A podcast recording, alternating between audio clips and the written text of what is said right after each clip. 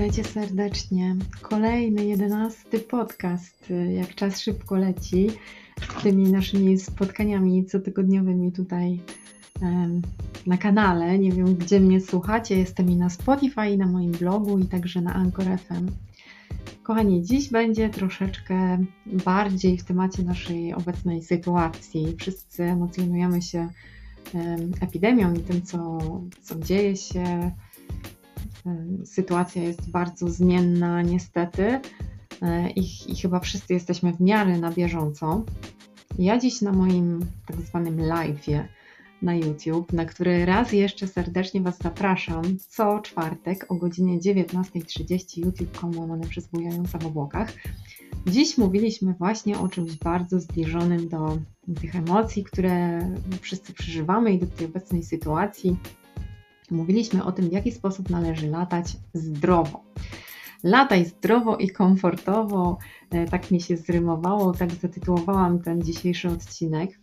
I oczywiście zachęcam Was serdecznie do tego, byście odsłuchali go, mm, bo tam jest jednak dużo przydatnych informacji. E, te live są dość długie, a dzisiejszy to już w ogóle pobiliśmy rekord, po mm, prawie godzina 45 minut było dużo mm, do opowiadania. Natomiast tutaj chciałabym powiedzieć o czymś, w skrócie oczywiście, ale o czymś takim e, dość istotnym. Przede wszystkim śledzę na bieżąco sytuację epidemiologiczną i to, jak, jak to, może nie nawet samą sytuację, o ile to, jakie na bieżąco są wydawane rozporządzenia, zarządzenia, rekomendacje, jeśli chodzi właśnie o działalność linii lotniczych, o procedury na pokładach samolotów. Wiem, że dla wielu z Was być może ten obecny stan nie jest jakoś szczególnie zachęcający do tego, żeby latać, no ale myślę, że warto być na bieżąco. Być może tak się zdarzy, no bo nie wiemy jeszcze, jak długo ta sytuacja potrwa, no a niektórzy z nas gdzieś być może nawet nie wiem, w okolicach świąt, bo tak też zakładają przewoźnicy lotniczy w Europie, że będą mm, dość duże w porównaniu z tym, co obecnie e, przemieszczenia ludzi, że e, osoby mające rodziny za granicą będą być może chciały przyjechać, być może w jakiś sposób będą chciały się zobaczyć czy spotkać. Zobaczymy, jak to będzie wyglądać, ale tak to mm, planują, tak przewidują linie lotnicze. I pod tym kątem też ustalają przeróżne przepisy, czy też starają się już przygotować do tego sezonu grudniowego. Ja wiem, że trudno jak na razie z dwumiesięcznym wyprzedzeniem myśleć o tym, czy mówić o tym, co to się wydarzy, no ale wszyscy musimy jakoś funkcjonować. Są osoby, które latają, przerzuciły się, bo mają takie możliwości finansowe. Osoby, które latają prywatnymi samolotami, bo mają zobowiązania zawodowe, które no, uniemożliwiają im całkowite unieruchomienie albo bycie zależnym tylko i wyłącznie od wytycznych, od rekomendacji, które granice są otwarte, a które nie.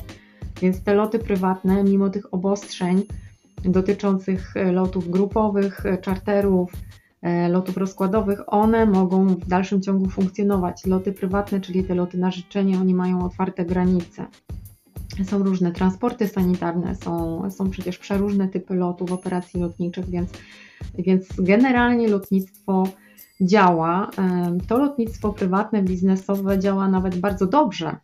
Widzę to po ilościach ofert pracy, linie lotnicze, które mają właśnie te tak zwane biznes jety, czyli prywatne odrzutowce, no inwestują teraz jednak w zakup nowych samolotów, w leasing, zatrudniają załogi. Ja nie mówię, że to będą umowy stałe, być może to będą załogi zatrudnione właśnie na ten okres teraz wzmożonego zainteresowania ze względu na, na złą kondycję, czy też uziemienie samolotów, przewoźników regularnych. No ale osoby, które na przykład wcześniej latały, przemieszczały się po świecie biznes klasą czy pierwszą klasą wręcz, po prostu przesunęły swoje budżety i sami, albo też w grupie jakichś innych osób, czy też pracowników swoich firm, bo to są często osoby przemieszczające się w celu służbowym, no po prostu wynajęły sobie teraz prywatne samoloty. Ci przewoźnicy prywatni teraz też bardzo konkurują o klienta, bo jednak jest zainteresowanie i to, e, i to zainteresowanie jest coraz większe, z tego co mi wiadomo. Więc e, no, oni też starają się tych klientów do siebie przyciągnąć, skorzystać z tej okazji, żeby się jednak zaprezentować, żeby takiego klienta do siebie przywiązać, a być może przekonać i być może taki klient zostanie już z nimi na przyszłość, mimo tego, że będzie miał możliwość podróżowania już za jakiś czas e, przewoźnikami regularnymi. No więc warunki cenowe też są dość atrakcyjne i, i dużo osób z tego korzysta. No ale oprócz tych przewoźników e, biznesowych mamy w dalszym ciągu rejsy rozkładowe. E, I oto właśnie niedawno odbyło się spotkanie przedstawicieli państw Unii Europejskiej. Jak wiemy, Polska też miał, musiała mieć takiego swojego przedstawiciela, e, gdzie podjęto pewne decyzje, e, które mają umożliwić bądź też ułatwić obywatelom krajów członkowskich Unii Europejskiej przemieszczanie się na terenie krajów Unii. I być może część z Was zauważyła, że ten ostatni zakaz lotów, który E, Polska e, kilka dni temu przedstawiła na najbliższe dwa tygodnie, dotyczy różnych krajów, ale wyłącza wszystkie kraje członkowskie Unii Europejskiej. I to jest właśnie efekt e, tych ostatnich rekomendacji, które zostały wdrożone, na które powołuje się teraz także notabene bardzo mocno jeden z przewoźników low-costowych europejskich. Nie będę tutaj może używać nazw, bo, bo nie o to chodzi, ale bardzo apelują teraz do, do przedstawicieli, do rządów państw Unii, by, by respektowali to, co zostało ustalone. Te ustalenia są dość szerokie, można sobie je wygooglować, zachęcam, to są ustalenia sprzed kilku dni. I mówią one innymi o tym, że jeżeli któreś z państw Unii Europejskiej będzie chciało nałożyć takie ograniczenia na kraje, na obywateli innych krajów e, członkowskich Unii, to należy poinformować właśnie odpowiednie organy europejskie. I jest tam nawet podana taka rekomendacja, by odbyło się to z minimum 48-godzinnym wyprzedzeniem. Mm, być może oczywiście zaleca się jak najszybciej, albo też przedstawienie jakichś na przykład alternatywnych e, możliwości przemieszczania się takich osób, czyli na przykład wykonanie sobie testu, jeżeli ten test będzie ujemny, to wówczas taka osoba mogłaby wejść na pokład samolotu, nie musiałaby odbywać kwarantanny, albo nie wiem, no, jeżeli ma to być alternatywa dla odwołanego lotu albo dla zupełnego zakazu przemieszczania się obywateli tych krajów, no to rekomenduje się, że lepiej jest być może, by te osoby po prostu wykonały test i by mimo wszystko mogły lecieć. Więc tam zostały wdrożone takie bardzo różne rozwiązania, które mają dawać szanse, mają nie zamykać całkowicie tego europejskiego nieba. No bo jednak e, oczywiście, że sytuacja jest trudna, ale ja chciałabym podkreślić, że granice nie były zamknięte, loty były odwołane, ale w dalszym ciągu przewoźnicy autokarowi mogli na trasach międzynarodowych się przemieszczać. Można było przecież przekraczać granicę prywatnym samochodem, co też zresztą uczyniło kilku moich znajomych. Po tym, jak w ostatnim momencie jeden z przewoźników odwołał im lot z Francji do Polski miesiąc temu, właśnie po tym jak Polska zamknęła swoje e, niebo przed podróżującymi z, z, terenu Francji. No i te osoby, słuchajcie, i tak do nas dotarły. One po prostu wsiadły w auto i umęczone po tej kilkunastogodzinnej podróży samochodem przyjechały, bo musiały, więc e, ten zakaz lotów, on naprawdę w wielu przypadkach nic nie zmienia dla tych osób. Jedyne co to pogarsza ich warunki podróży. E, pogarsza to już nie tylko jeśli chodzi o komfort, ale też o czas podróży, o, o koszta, no ale jeżeli ktoś musi się pojawić, to on i tak znajdzie sposób, żeby się tutaj pojawić, więc w tym celu jakby przedstawiono rekomendacje, które, które mają ułatwić jednak mimo wszystko mm, nam wszystkim wzajemne przemieszczanie się na terenie krajów Euro Unii Europejskiej, a nie po prostu zamykanie sobie wzajemnie granic, bo być może jest alternatywa, być może są inne możliwości, żeby jednak bezpiecznie, oczywiście z zachowaniem tych wszystkich wytycznych sanitarnych, ale żeby jednak nie zamykać się całkowicie. Są różne sytuacje. Ja ostatnio miałam wiadomość od osoby, która udawała się po prostu na pogrzeb. E, I w ostatnim momencie przewoźnik musiał jej odwołać lot z tego względu właśnie, że Polska zamknęła swoje niebo przed E, podróżującymi e, z Francji. No i teraz postawcie się w takiej sytuacji, że ta wiadomość z Polski przychodzi o godzinie 20, po godzinie 20. Przewoźnik dostaje tę informację, musi modyfikować w ostatnim momencie całą swoją siatkę lotów. To jest e, ogromna operacja.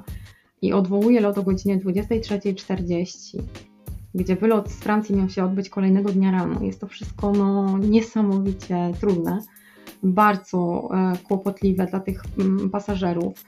E, no, takie stawianie osób w takiej sytuacji last minute, zwłaszcza gdy ktoś przylatuje naprawdę z ważnego powodu, no jest czasami nawet ogromnym dramatem, bo tutaj różne przecież mamy sytuacje, więc stąd właśnie taka rekomendacja i właśnie stąd to porozumienie podpisane przez, przez kraje członkowskie Unii, żeby wzajemnie sobie jednak mimo wszystko ze sobą dyskutować, umożliwiać sobie wzajemne podróże, oczywiście z zachowaniem tych wszystkich sanitarnych wymogów, jeśli to jest możliwe.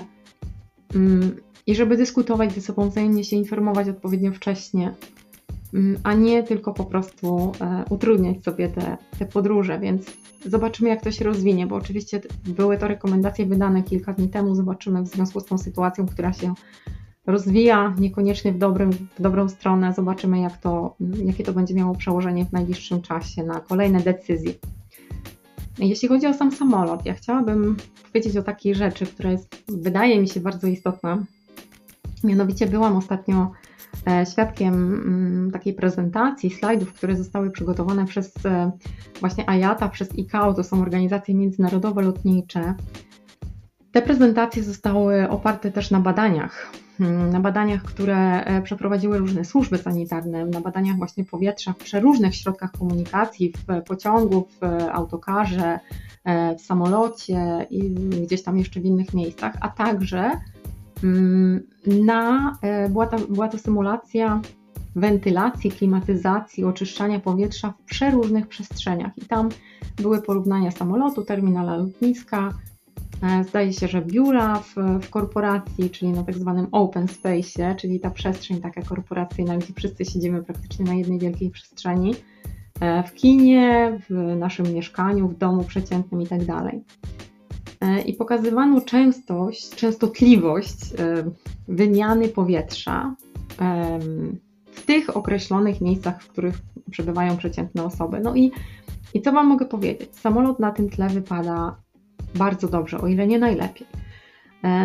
Samolot przede wszystkim, ja tak sobie myślę, bo z tego co ja czytam, komentarze też pasażerów na, na różnych forach albo słyszałam opinie podczas lotu, wielu pasażerów po prostu, wielu pasażerom samolot kojarzy się źle pod kątem zdrowia, ponieważ bardzo wielu pasażerów narzeka na to, że wychodzą z pokładu chorzy że jest za zimno, że ta klimatyzacja jest uciążliwa, że jest ten nawiew, e, że wychodzą z, e, nie wiem, e, z zakatarzonym nosem, tak, że mają po prostu dolegliwości różne po podróży.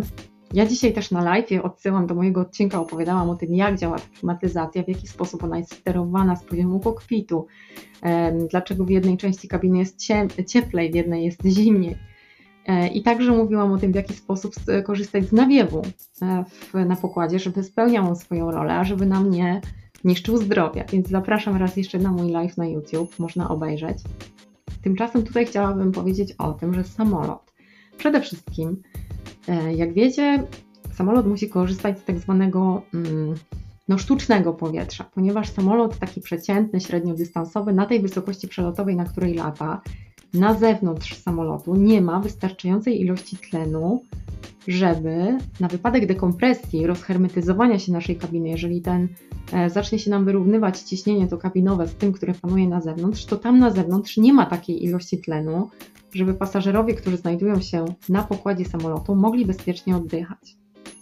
I dlatego właśnie całe to środowisko powietrzno-ciśnieniowe, mówiąc bardzo potocznie i brzydko, tak mi się powiedziało, ale wiecie o co mi chodzi, które jest na pokładzie samolotu, ono musiało zostać stworzone sztucznie, żeby pasażerom dać warunki po prostu do funkcjonowania, do oddychania, do, do życia. Tak? No ale z drugiej też strony, ponieważ zostało to jakby skonstruowane, żeby w ogóle dać pasażerom możliwość oddychania, podróżowania, to tworząc to wszystko od podstaw, od początku, stworzono także różne rozwiązania, wdrożono specjalnie przystosowane właśnie pod kątem samolotu. Jednym z takich rozwiązań jest właśnie ten sztuczny obieg powietrza wewnątrz kabiny, który nie jest to jeden ciągły obieg powietrza dla całej kabiny pasażerskiej, tylko ta kabina pasażerska, jeśli chodzi o obieg powietrza, podzielona jest na tak zwane sekcje i mamy na przykład 6-7 przednich rzędów, potem 6-7 kolejnych, to są kolejne sekcje. Co oznacza, że nad tymi kolejnymi rzędami jest taki jakby skrócony, prywatny obieg powietrza, który kończy się na tych sześciu, załóżmy siedmiu rzędach i od kolejnych rzędów mamy już kolejny obieg powietrza, kolejne filtry. Czyli jest to taki mini obieg zamknięty, czyli jeżeli nam ktoś kichnie w pierwszym rzędzie, to chodzi o to, żeby ten wirus, czy bakteria, czy to, co ta osoba z siebie wydaliła w powietrze, nie dobiegło, nie doleciało do pasażera, który znajduje miejsce gdzieś, e, nie wiem, zajmuje miejsce, przepraszam, w środku czy też w tylnej części kabiny, tylko żeby to właśnie kończyło się mniej więcej w tej sekcji, którą on zajmuje. I tak to faktycznie wygląda. Więc chciałabym tutaj zdementować taki bardzo popularny mit, że e, jeżeli ktoś nam kichnie z przodu, to momentalnie osoba zajmująca miejsce z tyłu będzie miała tę bakterię albo tego wirusa. Tak nie jest. Właśnie specjalnie samolot jest tak skonstruowany, żeby nie dochodziło do takich sytuacji. Samolot ma tak zwane filtry HEPA. To są te same filtry, które są stosowane w takich środowiskach bardzo sterylnych, właśnie szpital, jakieś kliniki. I te filtry HEPA wyłapują ponad 99 po przecinku ileś tam procent mm, bakterii, wirusów, grzybów, pyłu, kurzu, tego całego zanieczyszczenia, które krąży w powietrzu. To jest druga sprawa. I trzecia sprawa. Samolot posiada bardzo częstą, całkowitą wymianę powietrza na pokładzie. Czyli e, ja nie będę tutaj opowiadać, w jaki sposób ta wymiana powietrza technicznie wygląda, e, bo wiemy, że to powietrze jest zasysane przez silniki. Powietrze generalnie wymieniane jest, e, to, to powietrze, którym oddychamy. Ono jest w proporcji pół na pół, 50 na 50%. Połowa to jest filtracja tego powietrza, które już cały czas krąży, e, a drugie 50% to jest powietrze, które jest zasysane przez silniki z zewnątrz. Czyli to jest miksowane powietrze na zewnątrz samolotu z tym, które jest już w obiegu kabinowym, jest po prostu jakby filtrowane i na nowo mm, możliwe do, do użytku na pokładzie. Natomiast całkowity obieg powietrza, całkowita wymiana powietrza następuje średnio co 2-3 minuty. Czyli co 2-3 minuty średnio mamy całkowicie nowe, sfiltrowane powietrze, którym oddychamy. Powiedzcie, czy to nie wydaje Wam się bardzo bezpieczne, bardzo sterylne i bardzo e, fachowo, mądrze przygotowane. Samolot jako taka zamknięta tuba, jako miejsce, gdzie pasażerowie się e, kłębią, gdzie są ściśnięci, gdzie często jest bardzo mała przestrzeń, a jest dużo osób, musiał być w taki sposób pomyślany i skonstruowany, żeby podróże były bezpieczne w różnych warunkach. Ok, mamy teraz epidemię. Nie mieliśmy wcześniej jeszcze takiej epidemii, ale mieliśmy róż, przecież na bieżąco były cały, cały czas inne choroby, wirusy, choćby i zwykła grypa. Chodziło o to właśnie, aby zminimalizować ryzyko przekazywania sobie wzajemnie swoich bakterii, swoich chorób, podczas podróży generalnie, bo wiadomo, że zawsze znajdzie się ktoś, kto jest w nie najlepszej formie, być może osoby chore też nawet sobie nie, nie muszą zdawać tego sprawy, a już mogą zarażać. Więc chodziło o to, żeby podróżowanie samolotem było bezpieczne. I chciałam Was pod tym kątem uspokoić, że samolot, jeśli chodzi o sterylność właśnie powietrza, jest bezpieczny jest na pewno bezpieczniejszy niż autokar, jest na pewno, gdzie y, gnieździmy się wszyscy, nie wiem, kilkadziesiąt osób przez kilkanaście, czy też prawie 20 godzin podróżując gdzieś z jakiegoś odległego kraju europejskiego. Więc od tej strony patrząc, podróże samolotem są naprawdę statystycznie najbezpieczniejsze z tych wszystkich środków transportu, które mamy do dyspozycji, które były też porównywane mm, w, tym, mm, w tej symulacji, w, tym gra, mm, w, tym, w tej prezentacji, tak? E, tych, na tych slajdach, które oglądałam. Mm, zachęcam Was też do śledzenia profili IKO Ayata na różnych portalach społeczno- w mediach społecznościowych. Tam jest dużo takich przydatnych informacji, one są uaktualniane na bieżąco. Jeśli natomiast chodzi o samo zdrowie, o to jak podróżować zdrowo, to myślę, że mogę Was zaprosić serdecznie na mój odcinek na YouTube. Jak podróżować zdrowo i komfortowo. Tam dużo przydatnych informacji. Podaję między innymi wskazówki, w jaki sposób uniknąć e, bólu uszu, które są spowodowane tym, że wielu osobom nie wyrównuje się ciśnienie i bardzo bolą je uszy i, i przez ten dyskomfort e, unikają podróży samolotem. Załoga zna taki magiczny sposób na tak zwane gorące kubeczki. A co to są gorące kubeczki, to już wyjaśniam na YouTube, zapraszam, tam odsyłam. E, kochani, z katarem, zwłaszcza z dużym katarem, bardzo uważajcie. Jeżeli możecie, nie podróżujcie, ponieważ wówczas jest problem z wyrównywaniem się ciśnienia w uszach, w zatokach. E, możecie mieć bardzo duże dolegliwości. Załogi od początku są szkolone i wiedzą o tym, że z katarem nie latają. I to samo Wam doradzam, jeżeli tylko możecie. A jeżeli nie, to skonsultujcie się z lekarzem. Ja też podaję parę porad, wskazówek na YouTube, w jaki sposób sobie z tym radzić. Uważajcie na krążenie w nogach, uważajcie na tą wieczną pozycję siedzącą w samolocie, która może mm, Wam sprawić też dużo problemów zdrowotnych. Natomiast najważniejsze to jest nawadniać się odpowiednio. My byliśmy szkoleni, że należy pić jedną szklankę wody, minimum jedną szklankę wody na każdą rozpoczętą godzinę lotu. I zachęcam do tego, bo z powodu odwodnienia, z tego względu, że wilgotność w samolocie jest e, dość niska, że jest suche powietrze, Odwodnienie to nie jest fajna sprawa. Też miałam takie sytuacje. Miałam pasażerów, e, którzy się odwodnili. Miałam pasażerkę, której pękła błona bębenkowa w uchu, bo leciała z dużym katarem. Mieliśmy przeróżne sytuacje.